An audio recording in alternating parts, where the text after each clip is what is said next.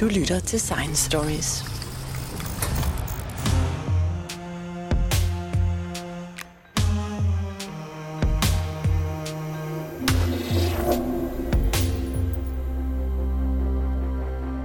I dette program skal vi tale om et nyt dyr, som kom til at revolutionere vores opfattelse af, hvordan dyrene har udviklet sig.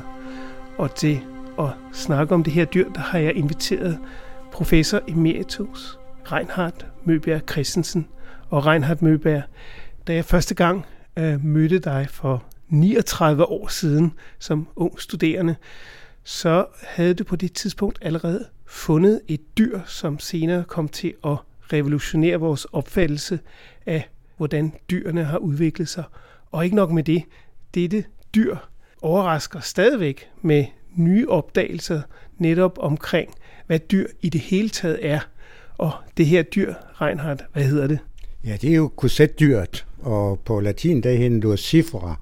Faktisk betyder det dem, der bærer et korset. Og jeg fandt den første, jeg faktisk lige uden for øh, Kronborg, og jeg kaldte den for Hammel derovre. Der var ingen, der troede på, at det sådan set var noget nyt. Professoren på det tidspunkt, han sagde, ja, det er bare et juledyr. Men jeg blev så sur på det. Min professor Gerlach, at jeg tog den med ind til København, og der var professor Wingstrand, han arbejder med transmission elektronmikroskopi. Han siger, Reinhardt, ja, det er noget helt fantastisk. Du skal støbe den ind omgående, og så snitte den til elektronmikroskopi. Og siger, hvad? Ja, det skal du. Det er ikke noget at gøre. Og jeg støbte den jo ind og sådan noget, og den første snit, jeg tog, det var på 80 my, og dermed var dyret væk. Så den forsvandt jo i 75, og vi havde ingen spor efter den. Men så kom jeg jo til Grønland og rundt omkring, og også til Roscoff i Bretagne i Frankrig.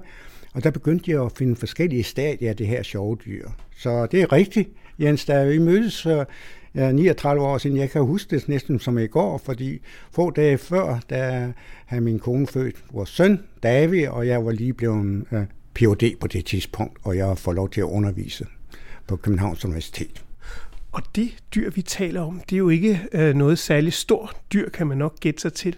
Det er faktisk så småt, så det svømmer rundt nede mellem sandkornene. Det er helt korrekt. Alle de dyr, jeg arbejder med, øh, ligger nede for cirka 100 my. De er altså 0,1 mm, og så op til cirka en millimeter. Undtaget selvfølgelig har jeg også arbejdet med grønlandsvaler, og hvordan de synger og sådan noget, de er jo lidt større. Men ellers så ligger mine nye dyregrupper, de ligger inden for den størrelseorden. De hører til det såkaldte myofauna, kalder man det øh, øh, på latin. Så det er altså bittesmå dyr, der lever i sedimenter, og de fleste af dem, jeg har arbejdet med, er marine dyr. Og det, der er specielt ved det her korsetdyr, er jo så, at det simpelthen ikke ligner nogen andre dyr. Nej, de er jo helt fantastiske. Altså først troede vi jo, at larven, vi havde fundet der, øh, som den første hed hammelslave, at det var den voksne dyr. Og den næste, der blev fundet under Eastwoods ekspedition i USA, den kom så til Higgins-larven, fordi det var professor Higgins, der havde fundet den. Vi troede stadigvæk, at det, det var den voksne, og så den sidste dag, jeg var i Roscoff i 82, inden jeg blev ansat af den amerikanske regering i Washington D.C., så fik jeg en fantastisk flot prøve dernede af skalgus. Og hvad, hvad er spændende med skalgus? Jo, det er det, man får hønsen med dernede. Så folk vidste lige præcis, hvor det skalgus var. Uh, og jeg tog ud der og fik en kæmpe prøve, og så, hvad skulle jeg gøre med 500 kilo? Det kunne man jo ikke nå at få kigget igennem. Så tænkte jeg, at jeg kan gøre det, som jeg gør på Grønland. Færdsvandschok det hele. Altså, hvis når en isbjerg vælter i Grønland, så kan man se, at alle dyrene kommer op til overfladen. De kan ikke tåle færdsvand, for de er marine. Og det gjorde jeg så, og så pakkede jeg det hele ned, og Uh, to måneder efter, så åbnede jeg mine prøver, altså Smithsonian Institution i Washington D.C., og så fandt jeg hele livscyklen i en enkelt prøve. Altså, så har jeg gået der næsten i 10 år og arbejdet, og så uh, for få timer vidste jeg, hvordan livscyklen så ud. Og jeg var jo helt chokeret, fordi de voksne så jo helt, helt anderledes ud. De var meget mere komplicerede. De havde en masse børste, vi kalder dem for skalider, men det er dem, de hopper med, og sådan noget kan bevæge sig. Der er muskler der hele. Og vi snakker om et dyr, der stadigvæk er kun cirka 300 my. Fordi den har en masse tentakler, og den kan bevæge dem. Ja, det er jo helt fantastisk. Der er ikke andre dyr, der kan det. De har muskler ud til deres såkaldte skalige tentakler, og på den måde kan de hoppe og springe og sådan noget. Og vi har jo flere videoer af den, Mike, og der er også en udsendelse her, der han så korsetdyrene hoppe, så hoppede professoren også, ikke? men det er, det er en dårlig vits. Jeg hoppede ikke, da jeg så det. Men uh, det var så begyndelsen til det første. Vi beskrev så for Roscoff der en Analogicus mysticus, kom den helt så flot på latin. Det første korsetdyr, og den blev beskrevet altså i, øh, uh, fra Smithsonian bussen, og jeg ringede hjem til min gamle professor Vingstrand og siger, hvad skal jeg tage min boss med på afhandling? siger, nej, det skal du ikke. Nu har du gået over i 5-10 år og arbejdet med det her dyr. Du skal have din eneste, eneste navn, der skal stå på, det, var, det er Reinhard Møbjerg Christen, og det kom den til at gøre. Og det, der så også var specielt, det var jo, at på det her tidspunkt, der havde man faktisk ikke fundet en ny dyrerække i dyreriget i 100 år. Næsten, ja, det er helt korrekt. Den sidste, der blev fundet, var gnatterstommerliderne, og det blev fundet lige før øh, 2. verdenskrig, men blev først beskrevet sig efter 2. verdenskrig, og ellers har man ikke fundet noget.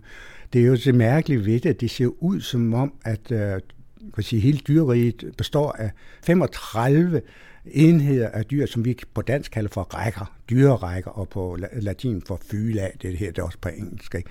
Og de har været konstant så mange år, og som min øh, professor i økologi sagde til mig, Reinhardt, du skal ikke arbejde med systematik. Alt, vi ved alt om dyrene her på jorden. Der er jo ingen grund til at beskrive bare en million nye arter. Så noget. Der er ikke noget nyt under solen. Men det skal jeg ellers lov for, at der kom. Der kom virkelig nyt under solen.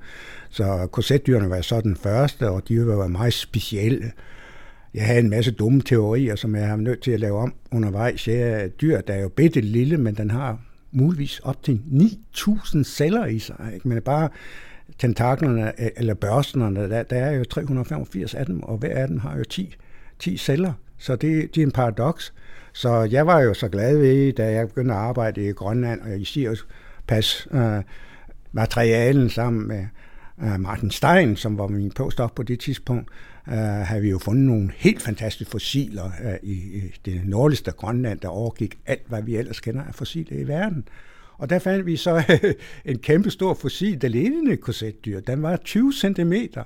Så jeg udviklede så den der fantastiske teori, at dyrene var startet altså rigtig store for 535 millioner år siden, og så var de sekundære, altså øh, blev mindre og mindre indtil vi har fået alle de der arter af korsetdyr, vi har i dag. Vi kender over 100 arter af korsetdyr, der er kun 39, der er beskrevet, så der er nok den næste generation.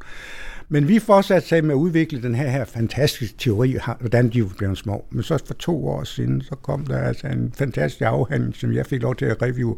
Man har fundet fossiler korsetdyr, som var ældre end vores for Siriuspassen i Grønland, og de var kun 300 my, og de kunne lige så godt have været en nulevende korsetdyr. Så flotte var de. Der var over, over 300 eksemplarer af den, ikke? og det kom så i en Nature der for et par år siden, og jeg fik lov til at review den og skrive en lille afhandling om, den største dilemma, vi egentlig har inden for zoologien eller inden for biologien, den der her Darwins dilemma.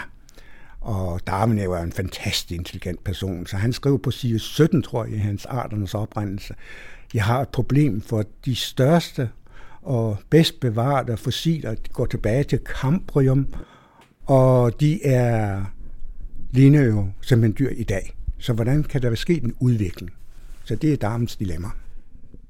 Men det, der er spændende, det er jo også, at før Cambrium, altså før de her 550 millioner år siden, der fandtes der jo formodentlig en stor øh, rigdom af dyr, men vi har bare ikke været i stand til at kunne se dem. Man så dem først i Cambrium, hvor at, øh, at de begyndte at få skallerbo, så man rent faktisk kunne se, hvad det var for noget. Ja, det er jo 100% korrekt. Vi har jo noget, vi kalder for dyr, altså i de og den har jeg arbejdet med i Australien, for det var der, man fandt den først. Den er 600 millioner år gammel, så den er meget før den kambriske eksplosion. Ikke? Men de ser altså fantastisk mærkeligt ud. Nogle af dem siger, at det er ikke engang dyr, og det er ikke engang planter, det er en uddød type af organismer, som ligner mere øh, store måtter af svamper og, og bakteriebelægninger på det tidspunkt. Men jeg tror, det er dyr, og jeg ved i hvert fald, at der er en enkelt af dem, som er simpelthen en mollusk, der er beslægtet med mollusker i dag, altså vores snegler og, og muslinger og sådan noget, så, så den har vi arbejdet med her på museet også. Så der var noget helt tilbage til dengang. der kom så den der fantastiske, flotte øh, eksplosion i Cambrium. Ja, det kan man jo diskutere meget, og det er jo altså Darwins dilemma. Hvordan kunne de sådan opstå ingenting? For så var der jo ingen evolution. Det var jo Guds øh, skaberværk, han i stå og kigge på. Men han har jo ret. Det er jo bare, at vi har jo ikke fundet de rigtige dyr. Og det er kineserne i gang med at gøre nu. De finder nogle dyr som mine korsetdyr, og vi har lige fundet en kordat, altså der er beslægtet med, med vores virveldyr i dag, som er uendelig små, altså mikroskopiske, og de er der alle sammen. Altså det, det vi lige snakkede om før, så det er ikke bare korsetdyr og bjørnedyr, der er små, men i, i begyndelsen af kampen var alle dyr små, og så har de så vokset så større og større. Der er nogen, altså jeg har jo håbet på, at det var omvendt, så det er sekundære, at dyrene er blevet små, men det ser ud som om, at kineserne har ret. Ja. Så, så det du mener, det er, at man havde en meget rig og divers øh, dyreverden allerede før Cambrium. Men øh, der er jo en, blandt andet en teori af grunden til, at vi fik større dyr, var jo, at øh, man rent faktisk fik ilt. Fordi ilttrykket det øh, kom op på vores nuværende øh, i løbet af den periode. Ja, vi er slet ikke uden, at vi har haft dyr, og som, altså, det er planter, der det er først kom de blågrønne bakterier, der udvikler ilten her på jorden, og det er jo noget helt, helt unikt, at vi får så meget ilt, og så kan dyrene vokse så store, og de kan lave kalkskaller, øh, øh kalk er det indgår der også ilt i, og sådan noget, ikke? og så det, det er eksplosionen, det er da ilten kommer op på den der høje niveau, så udvikler de alle de store dyr, så, men der har nok været små dyr inden, som har levet måske uden ilt, og det kommer vi tilbage til. Kan dyr leve uden ilt? Mm. Nej, det mener man jo ikke, man kan. Ikke? Der er nogle ciliater, altså nogle encellede organismer. Bakterier kan leve, ja, vi kender jo alle sammen pølseforgiftning og anoxiske bakterier, så når man kan flere celler dyr leve uden ilt. Det var et kæmpe spørgsmål, og det burde de have gjort, hvis de var før den kambriske eksplosion fordi uh, ildtrykket var nede på et par procent på det ja, tidspunkt. Ja, den, den eksploderer jo der i overgang til kampen. Ja, det kommer jo faktisk efter Snowball Earth, det der med, at hele planeten var jo en stor snebold, ikke? og så pludselig så stiger ilten, og det er da altså, algerne får lov til at sprede sig i haven, og, og blågrønne bakterier, og sådan noget, så får vi en fantastisk hop i iltindhold her på jorden. Men de dyr, som går helt tilbage til den tid før kambrium i virkeligheden. Hvordan kan det være, at det dyr har kunnet overleve så mange millioner år? Altså det dyr må jo have en eller anden særlig funktion, eller det må betyde noget, siden at det kan overleve så mange år. Ja, det er jo fantastisk. Vi har altså dyr, der ligner dem, vi havde i kampen, så nu levende i dag. Faktisk har jeg svært ved at forske på min kampenske øh, korsetdyr, og så det nulevende. Men øh, det er mange, der er. tænkt på trilobitter, som er uddøde, men der er jo nogen, som, øh, som har overlevet, så ikke har forandret sig helt tilbage i kampen, som opstår der. Ikke? Vi er, så der er dyr her på jorden. Vi kalder dem for øh, levende fossiler, øh, mange af dem, som har overlevet så lang tid. Ikke? Og det kan man jo helt godt sige, at korsetdyrene er, for vi har, men de er bare bitte små. Ikke? Så, men det, der så er sket i de senere år, det er jo, at man har fundet ud af, som du sagde før, at øh, nogle af de her korsetdyr rent faktisk kan overleve uden ilt. Hvordan kan de det? Ja, første gang jeg hørte om det, så troede jeg heller ikke på det. Jamen, jeg var nede og var inviteret for keynote speaker, altså den første åbning stor kongres i Ravenna, og jeg holdt så den klassiske, ikke, hvordan man opdager tre øh, dyrerækker og alt sådan noget. Og så kommer der en helt ung professor, som hedder Roberto Donavara, op til mig, efter jeg holdt min, min forelæsning, og han siger, jamen jeg har masser af korsetdyr nede i... Øh, Atalanta-bassin, det er også det sted, vi kalder for Hell on Earth, fordi det kan ikke være værre, det stinker af svovl, og når man får det op, så lugter det værre en røgen af, og sådan noget. Og så altså, nej, det passer ikke, siger jeg. Det, der er ingen dyr, der kan. Jeg vidste, at det lever ciliater, altså encellede organismer og nogle bakterier og, og virus der. Jo, jo, han har mange af dem. Så siger jeg, har du den med her i dag? Nej, men han vil sende den til mig. Nå, siger jeg, så send dem, og husk at sende det anbefalelse, de ikke går tabt. Og så sendte han 20 af de her dyr op for øh, dernede fra. Ikke? Fantastisk flot farve, de rose bengal, så jeg kunne se dem med det samme i sedimenterne og sådan noget. Og det var sammen rigtigt, de har været levende, da han har fixeret dem, fordi det gør man med en meget enkel teknik med farve med noget, noget rosefarvet stof, så, så bliver det, cellerne indeni bliver røde, hvis de er levende, og hvis de er døde, så får de ingen farve. Og jeg kunne se, at alle rundormerne, altså nematoder og alle andre dyr, krebsdyrene, de blev ikke farvet, men korsetdyrene stod skrigende frem i røde farve wow, sagde jeg så. Det var da helt normalt. Og så gik vi jo i gang med at lave alle de dyre teknikker på den molekylære data, og, vi, øh, og så selvfølgelig transmissionselektromikroskopi og scanning-elektronmikroskopi af de her fantastiske små dyr dernede fra. Og så fandt vi noget frygteligt. De manglede mitokondrier. Men selvfølgelig mangler de mitokondrier, fordi mitokondrier, de skal jo bruge ilt, og der er jo ingen ilt nede i Hell on Earth. Der er kun H2S, som er det giftigste, giftigste stof. Det er det, der lugter langs stranden, når vi går der, og rødden tang og sådan noget. Det er anaerobe bakterier, som, som udvikler det der H2S, og det, det er virkelig giftigt. Så øhm, og vi snittede og snittede, og så fandt vi først fandt vi altså svovlbakterier inde i dem. Det vil sige, de levede af svovlbakterier, H2S, det er jo svovl, ikke? Og så fandt vi nogle mærkelige noget i stedet for mitokondrier. Så fandt vi hydrogenosomer, en lille slags bakterie, som øh, min professor øh, Tom Fængsel faktisk har arbejdet med, altså brintbakterier, som kan leve af øh, brint og så svovl deri. Og, og det benyttede korsetdyrene af. Og så siger jeg, sikkert der er en opdagelse, men øh, så blev jeg meget ked af det, for det viste sig, at den slægt, som havde de bedst udviklet, det var en slægt, som jeg havde beskrevet fra Galapagos, men godt nok fra en varm kilde, 9-3000 meters dybde i havet. Ikke? Men hvordan kan man på så få år udvikle noget med mitokondrier til en helt anden sæt og organismer, som ikke havde mitokondrier, der ikke brugt ilt, det, det, det undrer mig stadigvæk i dag, fordi Milhavet er jo ikke særlig gammel. Den var jo fuldstændig øh, tørt ud for 70 millioner år siden, så de har haft 70 millioner år. Det er jo ingenting øh, at udvikle sig, smide sine mitokondrier og tage hydrogenosomer op, så måske går evolutionen langt hurtigere, end vi tror. Så vi har altså en slægt, som er kendt ved Galapagos, som så pludselig optræder i to bassiner i Middelhavet. Det er da fantastisk. Hvordan er de hele taget kommet derind og sådan noget, det kan jeg ikke give en forklaring på. Men i hvert fald har vi beskrevet den, og den kom til at hedde øh, uh, Spinoloricus, den, uh, der er fra Milhavet. Så det var jo en af de helt store opdagelser. Og det er sådan, at folk har udrustet ekspeditioner, for de tror simpelthen ikke på os. og så kommer de ud og tager prøverne, og ved hvad? De kan ikke finde korsetdyrene. De kan finde alt andet, men de kan ikke finde korsetdyrene. Men det kunne Roberto Donavara, og jeg kan komme med en eksempel mere det var, at jeg lige kom hjem fra Roscoff, og jeg havde en helt team, Roscoff i Frankrig, og, og, og tage ud på min typiske lokalitet, hvor jeg havde taget hundredvis af korsetdyr. Og jeg vidste lige præcis, det var, hvordan, hvor man skulle tage dem og sådan noget. Og den første uge fandt vi et, et eneste korsetdyr.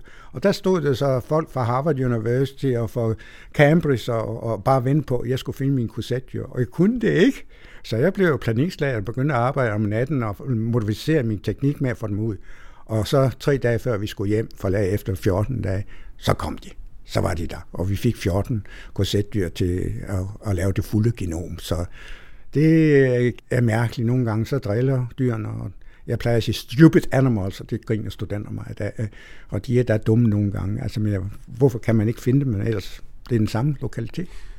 Men jeg vil lige tilbage til øh, det, du fortalte før omkring øh, de korsetdyr, der var fundet i iltfattigt øh, miljø, og som ikke havde nogen mitokondrier. Mig bekendt er det at have mitokondrier nærmest definitionen på dyr. Altså, der er ikke mange dyr, vi kan nævne, som ikke har mitokondrier. Ja, det jeg troede, det var den eneste ene, men så var jeg nede her i Urbana i Italien, og jeg holder min klassiske forelæsning om dyr uden mitokond, og så kommer Maria Balsamo op og siger, ja, men vi har en eksempel mere fra ud fra Kalifornien har vi fundet noget anoxisk miljø, og der har vi fundet nogle små dyr, de er så gastrotrikker. Øh, jeg tror ikke engang, de har en dansk navn. Og der manglede simpelthen spermerne, manglede mitokondrier.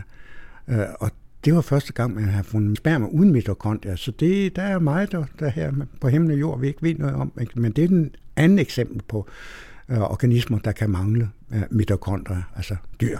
Og det skal lige siges, at mitokondrierne er jo på et tidspunkt faktisk en bakterie, der er smeltet sammen med dyreceller, og som er med til at danne al den øh, energi, som bliver dannet ved hjælp af oxygen, altså ilt hedder det vist på dansk.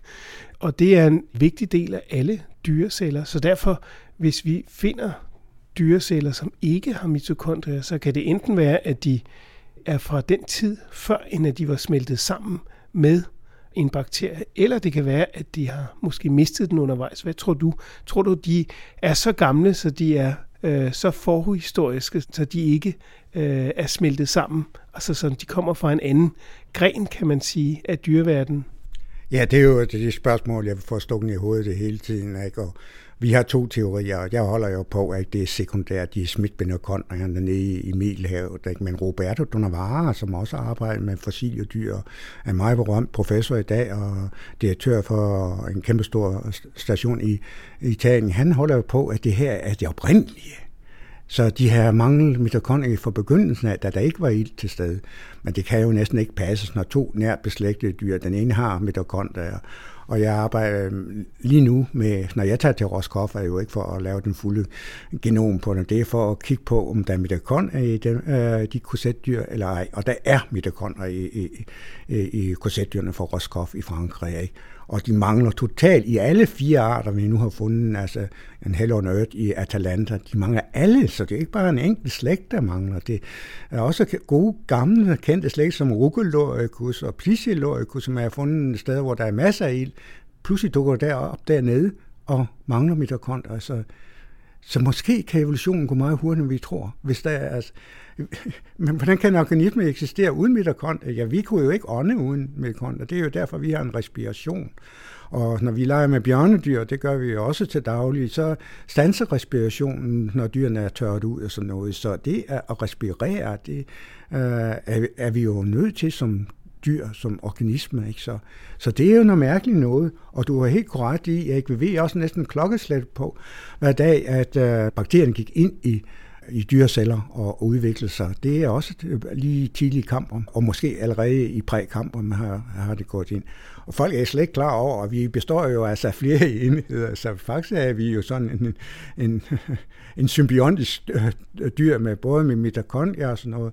Og det synes folk jo er meget skæs, når jeg forelæser om det, men folk glemmer jo at sige, at planter er endnu mere mærkelige, for de har jo ikke bare mitokondrier, de har jo også kloroplaster eller grøntceller, som laver jo altså netop øh, ilt, og, og, og på den måde altså betyder alt her på jorden. Så en røde alge kan bestå af tre enheder, der kommer til stik, og de flotteste er jo dinoflagellater, som har tre symbionter i sig for at, at kunne klare sig. Så det, at vi har mitokondrier, det er altså også kendt inden for planteriget, ikke? så det er ikke uhørt, men det er rigtigt, det er en symbiont, der er kommet ind, og det er en bakterie, der er gået ind. Men nu tænker jeg på, uh, Reinhardt, at man gennem de sidste 300 år, der har man jo brugt det at iagtage dyrene, øh, og så klassificere dem efter det. Og det er den måde, man er kommet frem til de her 35 rækker. Og øh, der er det jo sådan lidt tankevækkende, at man har en systematik, som bygger udelukkende på observationer, hvordan man kan se dyrene. Men nu har vi en helt anden teknik, nemlig genteknologien, hvor man kan gå ind og se, jamen, hvor meget ligner generne hinanden. Og hvad finder man så? Finder man så, at man skal til at lave nye øh, opdelinger af dyreverdenen, eller holder det, som man har lavet hidtil? Altså holder de 35 rækker, eller er det i virkeligheden genetisk øh, øh, blandet op? Det er jo helt fantastisk. Så siden 97, der kom de første store undersøgelsen, hvor man brugte altså molekylære data til at dele dyregrupperne op. Og en af de aller værste, det var jo den der, som der var ingen, der ville acceptere som morfolog, eller som systematisk, som jeg er, det var, at øh, arthropoder, altså ledyrene og lægeormene, øh, hørte sammen. Det har man jo bygget på siden Linnés tid, ikke? at uh, alle de lægedelte dyr var det samme, og, sådan, og så kom bomben det var at alle de dyr, der skiftede hud, hørte sammen, og ikke det, de var lægedel.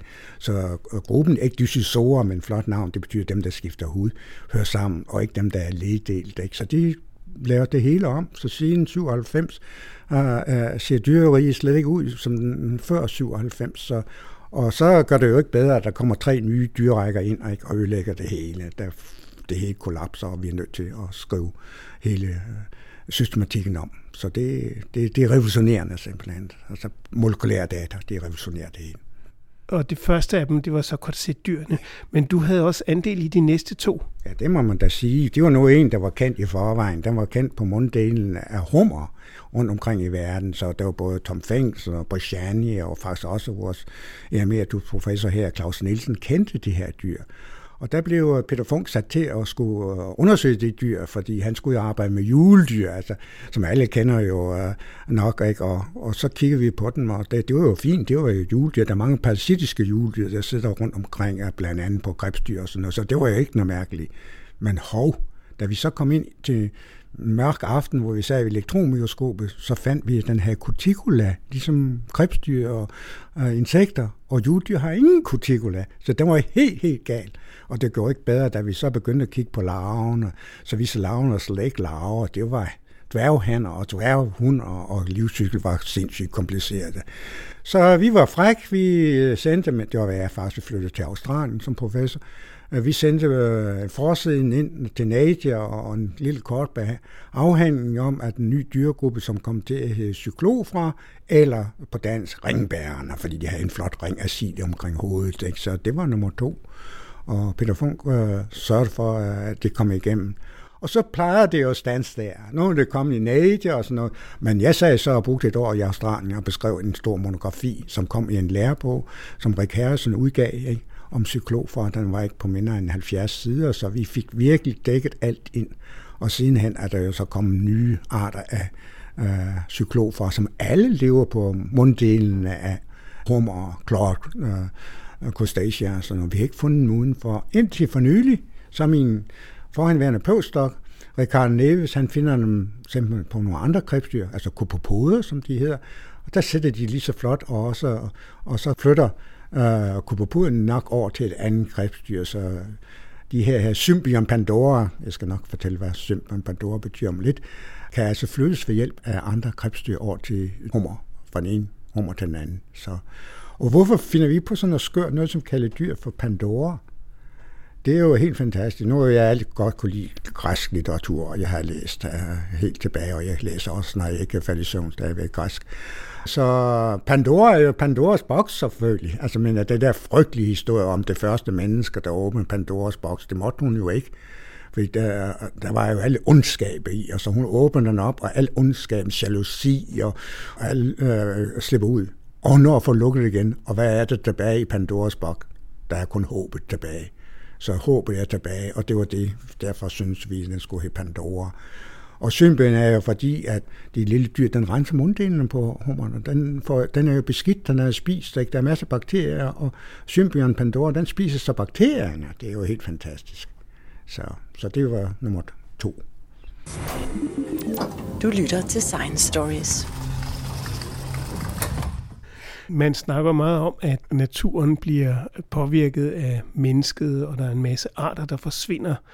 Er det noget, som i er opmærksom på? Er det sådan, at man som zoolog, der går ud og kigger i naturen, kan se, at det bliver mere artsfattig, Eller, eller er det sådan, at I rent faktisk ikke ved tilstrækkeligt om, hvilke arter der findes derude nu, så I stadigvæk kan finde rigtig mange nye arter, og I, I stadigvæk bliver overrasket over, hvor meget der egentlig findes?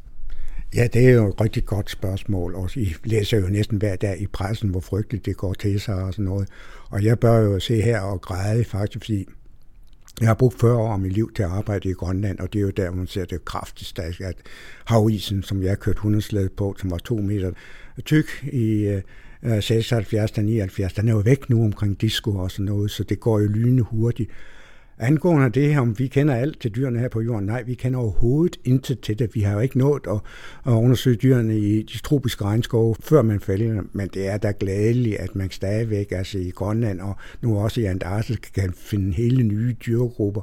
Og det er jo det, der skete, da vi fik et nyt uh, forskningsskib fra Mærsk, øh, fonden, og på jomfrejse med det, så fandt vi op i en varm kilde på Disco, altså i Grønland, der fandt vi et helt nyt dyr. Og den kom til et i Mærski, og det var altså ikke fordi, at jeg vil lokke flere penge ud af Mærskfonden. Nej, det er en regel, altså når man under et jomfrutur finder øh, et nyt dyr og sådan noget. Det kan være Galatea-ekspeditionen, der, hvor der er masser af dyr, det hedder Galatea, og her var det så under vores jomfrutur med det nye skib. Den kom til Mærski, ikke? Så, så det er jo fantastisk, og vi troede ikke vores levende øjnene, fordi de der kilder har været undersøgt af Porsel, altså de sidste 200 år, altså den grundlæggende artistation har undersøgt kilderne og skrevet tykke lærte bøger om det, og så sætter vi ude i felten med mikroskoperne, og så har vi en nyt, og vi var slet ikke i tvivl, da vi så den. Den var aldrig set før. Og nu er den så altså fundet altså også i Antarktis, det her fantastiske lille dyr. Og den er altså lille, den er kun 100 my. Mm. Og det samme er den i Antarktis på Kreuzen Island i fransk øh, antarktiske øer, der har man fundet. Og det aller sidste, det er jo for at svare om det der med molekylære data, så har man i de spanske pyrenæer har man brugt en ny teknik, der hedder eDNA. Altså man går ud og simpelthen og undersøger øh, vand for, hvad for nogle dyr, der lever der i. Og hvad finder man så noget af det første? Vores lille limnognat i mærske, men man fandt ikke dyrt. Man fandt altså en muskulær data. Så den er nu skrevet ind i lærebøgerne som, og den også findes i pyrenæerne. Så det, det, selvom man slet ikke har set den dernede, og den er lidt forskellig fra vores fra Grønland af. Så molekylære data er simpelthen helt nødvendige i dag for at kan beskrive dyr. Så vi har nu en lov om, at når vi beskriver nye bjørnedyr eller nye korsetdyr, så skal vi også have de molekylære data med i afhandlingen, så man kan se, hvad det er. Men den seneste, I fandt, var det så også en overordnet række, altså som var helt speciel? Så jeg turde jo ikke at kalde den for den tredje øh, dyrrække, øh, jeg har så fundet og sådan noget. Så jeg beskrev det som en klasse inden for nogle dyr, nemlig juledyr og gnattersnomalider. Gnattersnomalider var den sidst fundne dyrrække her på jorden af Pedark, som vi snakkede lige om før, og det er jo over 100 år siden nu. Så i første omgang, så vil jeg ikke beskrive det som en ny dyrrække. Jeg kaldte den for en klasse, ligesom altså og vertebrat og er en klasse inden for kordater og sådan noget. Så jeg var meget forsigtig sammen med Peter Funk igen, ikke? Så, men uh, det gik halvanden år, så havde man de molekylære data, og det viste sig, at det, det holdt slet ikke stik. Den var helt unik. Og vi har den fulde genom. For første gang har vi den fulde genom, og vi har publiceret for to år siden den fulde genom af vores lille limnognat mærski, og den viser helt klart, at den skal have sin egen række fylde. Så det er nummer tre. Men jeg kommer til at tænke på også, at noget af det, man finder ud af, når man studerer øh, dyrene, det er jo, at de alle sammen er i familie med hinanden. Og så der er nogle udviklingshistorier, man kan følge. Kan man sige noget om, hvor langt tilbage man skal for at kunne snakke om oprindelser af de forskellige rækker, som adskiller dyrene? Ja, det kan vi også bruge de molekylære data til. Ikke? Man har simpelthen kan jo tidsfest, hvad tidspunkt, at de forskellige dyregrupper opstår ved hjælp det. Og vi ved sådan noget som altså, bjørnedyrene, de opstår altså i begyndelsen af kampen, og det passer også med fossiler. Så det kan man se i deres DNA, ikke? så hvor mange mutationer og sådan noget. Det er meget kompliceret, og jeg har ikke så meget forstand på det, men man laver altså fylogeni i dag, så man kan se, hvordan den splitter op, og vi ved, hvad tidspunkt, der ikke er for eksempel, at vertebrater opstår. De opstår meget, altså Violddyr opstår meget tidligere med ellers troede, ikke? de ser ud som også, at de er helt tilbage i, i begyndelsen af kampen. Så de molekylære data forandrer meget på, øh, vores split af dyregruppen, og vi har jo sådan en helt, vi kalder for livets træ, hvordan de splitter fra hinanden, og hvis man går længere ind, så kan man se, når vi går fra rækker til klasser, kan man se, hvad snart klasserne opstår inden for de forskellige dyrerækker, og endelig hvis man går et skridt længere ned i ordensniveau, der kan man se, hvad snart orden er opstået, og endelig familier, altså homiderne, og snart opstår homiderne, altså mennesket, der og sådan noget, det kan man se ved hjælp af DNA i dag, og det er ret sikkert nu. Altså det er en rigtig fantastisk metode at finde ud af. Man behøver ikke at gå ud og skal finde fossilen længere. Man kan se i genomen, hvor snart de er opstået. Så dem, som på nogen måde skulle være i tvivl om evolutionen, de kan jo så øh, nu læse om, hvordan at man kan følge livsudviklingen af alle de kendte arter overhovedet. Ja, og så desværre er det, som vi startede med at sige, så uddør der jo altså frygtelig masse arter i dag, og måske nogle af dem øh, mister vi simpelthen at, at finde inden for insekter. Her har vi jo beskrevet en ny orden, altså her for nylig fra Namibia og sådan noget, så dem opdager altså helt nye dyregrupper stadigvæk, også inden for andre dyr, og det er jo ret store dyr, ikke? Og den bedste eksempel, det er jo, altså, folk tror jo, at der er sådan noget som Hajer, altså blæksprutter er godt kendt. Den største blæksprut, den er fundet ved Antarktis, er den der kolossal blæksprut, den første levende har man først fået for cirka knap 10 år siden, der får man den første levende kæmpe blæksprutte, som bliver altså over 20 meter. Hvordan kunne den have skjult sig? Ja, det har han gjort i dybthavet. Og det samme med vores egen kæmpe blæksprutte, som museet her er berømt for, at vi beskrev, det er Stenstrup, der beskriver den første kæmpe blæksprutte. Ikke? Der har man først fået de levende eksemplarer her, også inden for de sidste 20 år, så der er så meget skjult. Og også, men det aller værste er selvfølgelig i Arktis, der sker det så lynhurtigt nu, øh, global warming, og så at man fælder de tropiske regnskove, hvor vi har jo nok den største diversitet, og jeg har lige været på Mauritius nu her, og kigget på koralrev, og der kan man se, at koralrevene i hvert fald på den øh, østlige side af Mauritius er fuldstændig bleget nu, altså den er simpelthen øh, død så det går lynhurtigt med global warming. Altså i, at tænke på den største kan sige, biologiske rekonstruktion her på jorden af Great Barrier Reef, altså en stor koralrev uden for Australien, uden for Queensland. Den største, vi kan se den fra månen af, altså er under øh, simpelthen bleaching, vi kalder for blinding. Så, men det er sket før. Det må man være sikker på, at, at, at vi har haft krise her på jorden før, så noget af, at koralrev er uddøde og sådan noget, og så komme tilbage igen. Men det sker bare lige i vores tid. Det er jo ikke så sjovt. Og når det så er menneskeskabt, så gør det jo ikke bedre. Nej, for vi har haft både vulkaner, vi har haft meteornedslag, og vi har haft store omvæltninger på jorden, som har udryddet de fleste dyrearter, øh, og så er de så kommet tilbage. Ja, det er jo helt fantastisk. Altså, i mine nogle dage, der må vi jo slet ikke snakke om det der meteor, eller den asteroid, som ramte øh, jorden. Ikke? Det var jo fy-fy. Altså, det var jo vulkanudbrud, der har gjort det, at dinosaurerne uddøde. Men så fandt man jo inden nedslaget, den ligger ud for Yucatan-halvøen i Mexico, en kæmpe krater, og det er ikke bare en lille sten, der er kommet ned, det er en asteroid, altså en af de små planeter, der har ramt jorden. Og den, nedslaget har været så kraftigt, at, at der kom vulkanudbrud i den indiske ocean samtidig med, så kraftigt at jorden blev rystet. Og så slukkede sig jo sollys i mange, måske i flere år. Det gjorde til, at dinosaurerne uddøde. Der er nogen, der siger, at dinosaurerne lever jo der i bedste velgående dag. Det er alle fuglene. Men øh, nu var det jo sådan, at, at fuglene opstod jo før meteoren i slaget. Ikke? At der var allerede andelene fugle før. Øh, men det er rigtigt, at fuglene tog sig over. Altså, hvor de flyvende dinosaurer var. Og så var det de store Øh, grupper af dinosaurer, som fuldstændig uddøde. Ikke? Det er jo ikke alle, der levede videre. Og så kunne øh, pattedyrene få deres chance til at, at invadere jorden og, og overtage efter øh, dinosaurerne. Vi ville jo slet ikke have eksisteret i dag, hvis øh, den der asteroid ikke øh, havde ramt jorden. Så der havde været dinosaurer i stedet for os, og de måske lignede os på mange punkter. Men, så vi var jo heldige, pattedyrene var heldige, at der kom asteroid og gjorde til, at dinosaurerne uddøde. Men de dyr, som du studerer, der svømmer rundt ned mellem sandkornene, de har jo så deres egen niche, og de klarer sig alligevel, selvom de er 500 millioner år gamle. Ja, og der står jo altså næsten i hvilken helst øh, YouTube, eller hvad du låner op på, ikke? Altså, altså disse dyr vil overleve uh, os. Ikke? Jeg mener, de små dyr bliver en anden. Kan man læse om bjørndyrene hele tiden? Jeg ved ikke, hvorfor de er så meget inde i dag, ikke? men uh, de, de, de vil overleve sådan en meteornedslag. Og mange af de her gamle dyr, vi snakker om, altså de har jo levet der fra begyndelsen af morgen i marint. De har alle sammen været marin, og først senere hen invaderer de landjorden. Så, så det er jo også enormt spændende. Hvad tidspunkt kommer de, øh, går de på land og lever i sø og, og dammer og sådan noget, og ikke ude i marint. Så alle de her dyregrupper, som jeg arbejder med, Øh, undtagen altså den nye lille kæbedyr, øh, Limnognati mærskdyr, som er i ferskvand, de er altså ude i havet, og de største opdagelser, de sker altså marint i dag. Altså, jeg snakker lige før om kæmpeblæksbunden, øh, men den største diversitet, den er i tropisk regnskov. Det er jo helt enormt, hvad der er af insekter og sådan noget. Vi snakker måske om 50 millioner arter, og vi har kun beskrevet en enkelt, et million arter, så vi er jo lige i begyndelsen.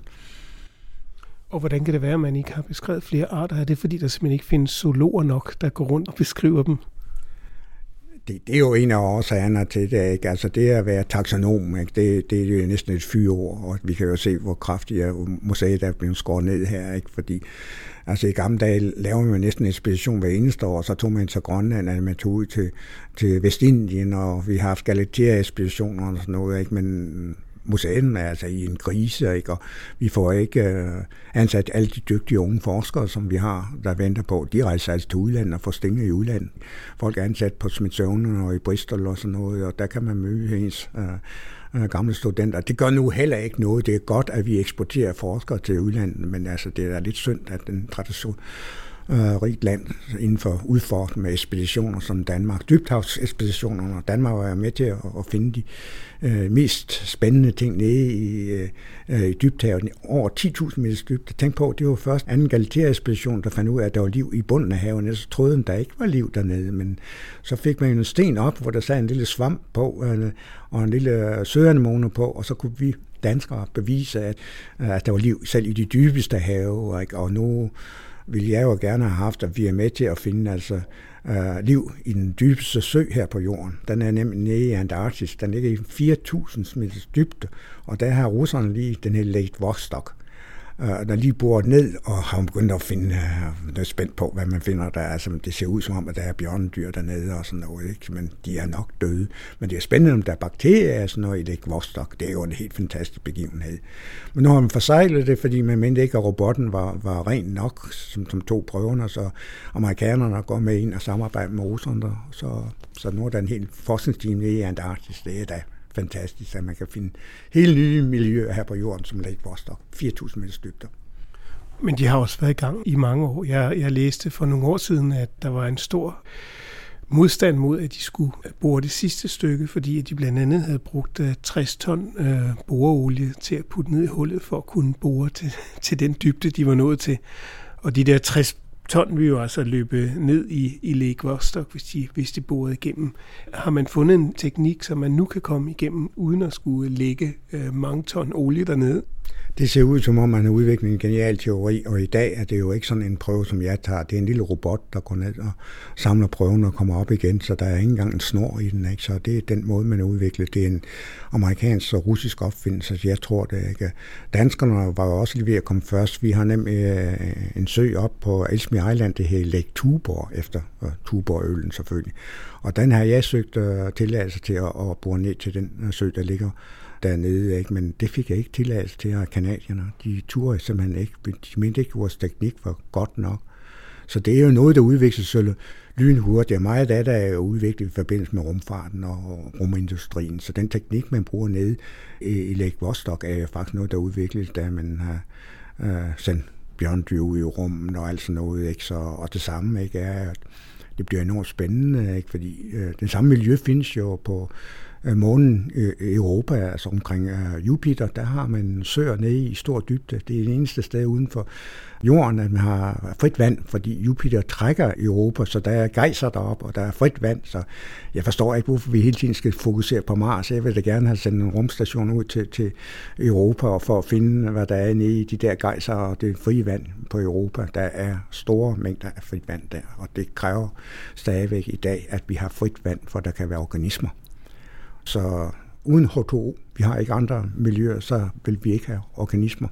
Og vi vil slet ikke eksistere, hvis vi ikke har vand i os. Om jeg har set, at man allerede arbejder på at lave ekspeditioner, og man netop øh, kigger på, at, at der rent faktisk er gejser, der smider noget vand op, som man måske kunne, kunne samle ind og så flyve tilbage med det. Det er helt korrekt. Og jeg siger, at jeg vil godt have en engangstur til Europa, men det får jeg nok ikke lov til. Man kommer i hvert fald ikke tilbage igen, det vil tage så lang tid. Vi har lige regnet på vores første Mars-ekspedition, det vil nok tage fire år for at komme til Mars og sætte der, og så komme hjem igen. Det er jo ret lang tid, kan man sige, bare til Mars, og ud til Europa og ud til Jupiter vil det jo tage uendelig lang tid, så det har vi slet ikke teknikken endnu til. Men når du nu ikke skal til hverken Mars eller Jupiters måner, hvad er så dit næste øh, projekt, Reinhardt? Jamen, den er meget enkel. Altså, jeg tager tilbage til Brasilien igen, og der har jeg en time af folk. Ikke? Så vi arbejder nede i sydlige Brasilien, og det er også marin, det er stranden dernede. Ikke? Så til næste år er jeg tilbage i Ponta do Sol i Brasilien, det sydligste, og arbejder der. Der er næsten ikke undersøgt noget af det, vi kalder for industriel fauna. Det lyder dyrt, men det er altså dyrene imellem sandskårene, der er helt unikke altså i Brasilien. Så der var der i hvert fald bruge en morgens tid. Ikke? Ellers så arbejder jeg sammen med, med japanerne om de øh, rigtig varme kilder i Japan. Altså alle kender jo billederne, hvordan aberne der sidder og, og bader om vinteren i kilderne, men de er faktisk ikke undersøgt ordentligt, de øh, kilder. Og der er en helt speciel bjørndyr, der er fundet uh, i kilderne. Den her Tamosobium exaki blev opdaget i 1937, og siden er den ikke set. Så folk siger, at det er, det er en falsum, altså ram, som det, det var en tysk pater. Han har bare beskrevet noget, som ikke eksisterer. Men jeg tror på den, ikke? og jeg håber på, at vi kommer rundt til en masse varme kilder i Japan og, og samler dyr. Ikke? Så det er meget specielt fauna, der er i mange af de kilder øh, som er varmt. Ikke? Blandt andet i Grønland er det jo helt unikt, at vi har så mange varme kilder med orkideer og sådan noget. Og så er der jo altså tre af kilderne på disco, man skal altså lige passe lidt på. De er høje radioaktive.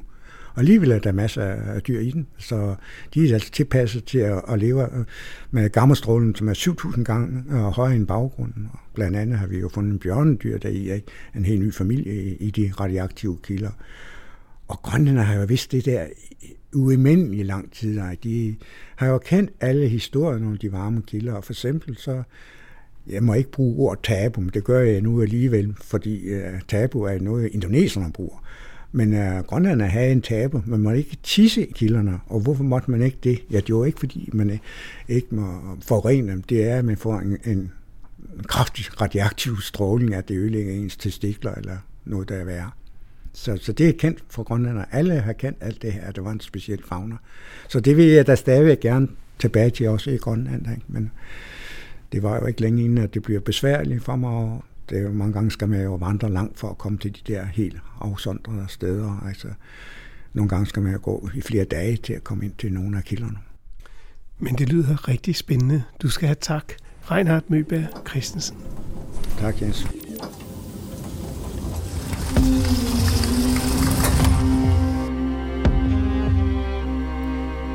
Hvis du holder af historier om videnskab, kan du finde Science Stories hjemmeside på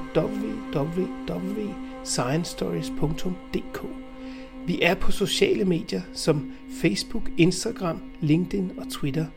Du kan finde vores podcast på de fleste podcastudbydere som SoundCloud, Podimo, Spotify, og hvis du bruger Apple Podcast, må du meget gerne give os en rating og en kommentar, så andre også kan finde os. Jeg hedder Jens Deget, og dette var Science Stories.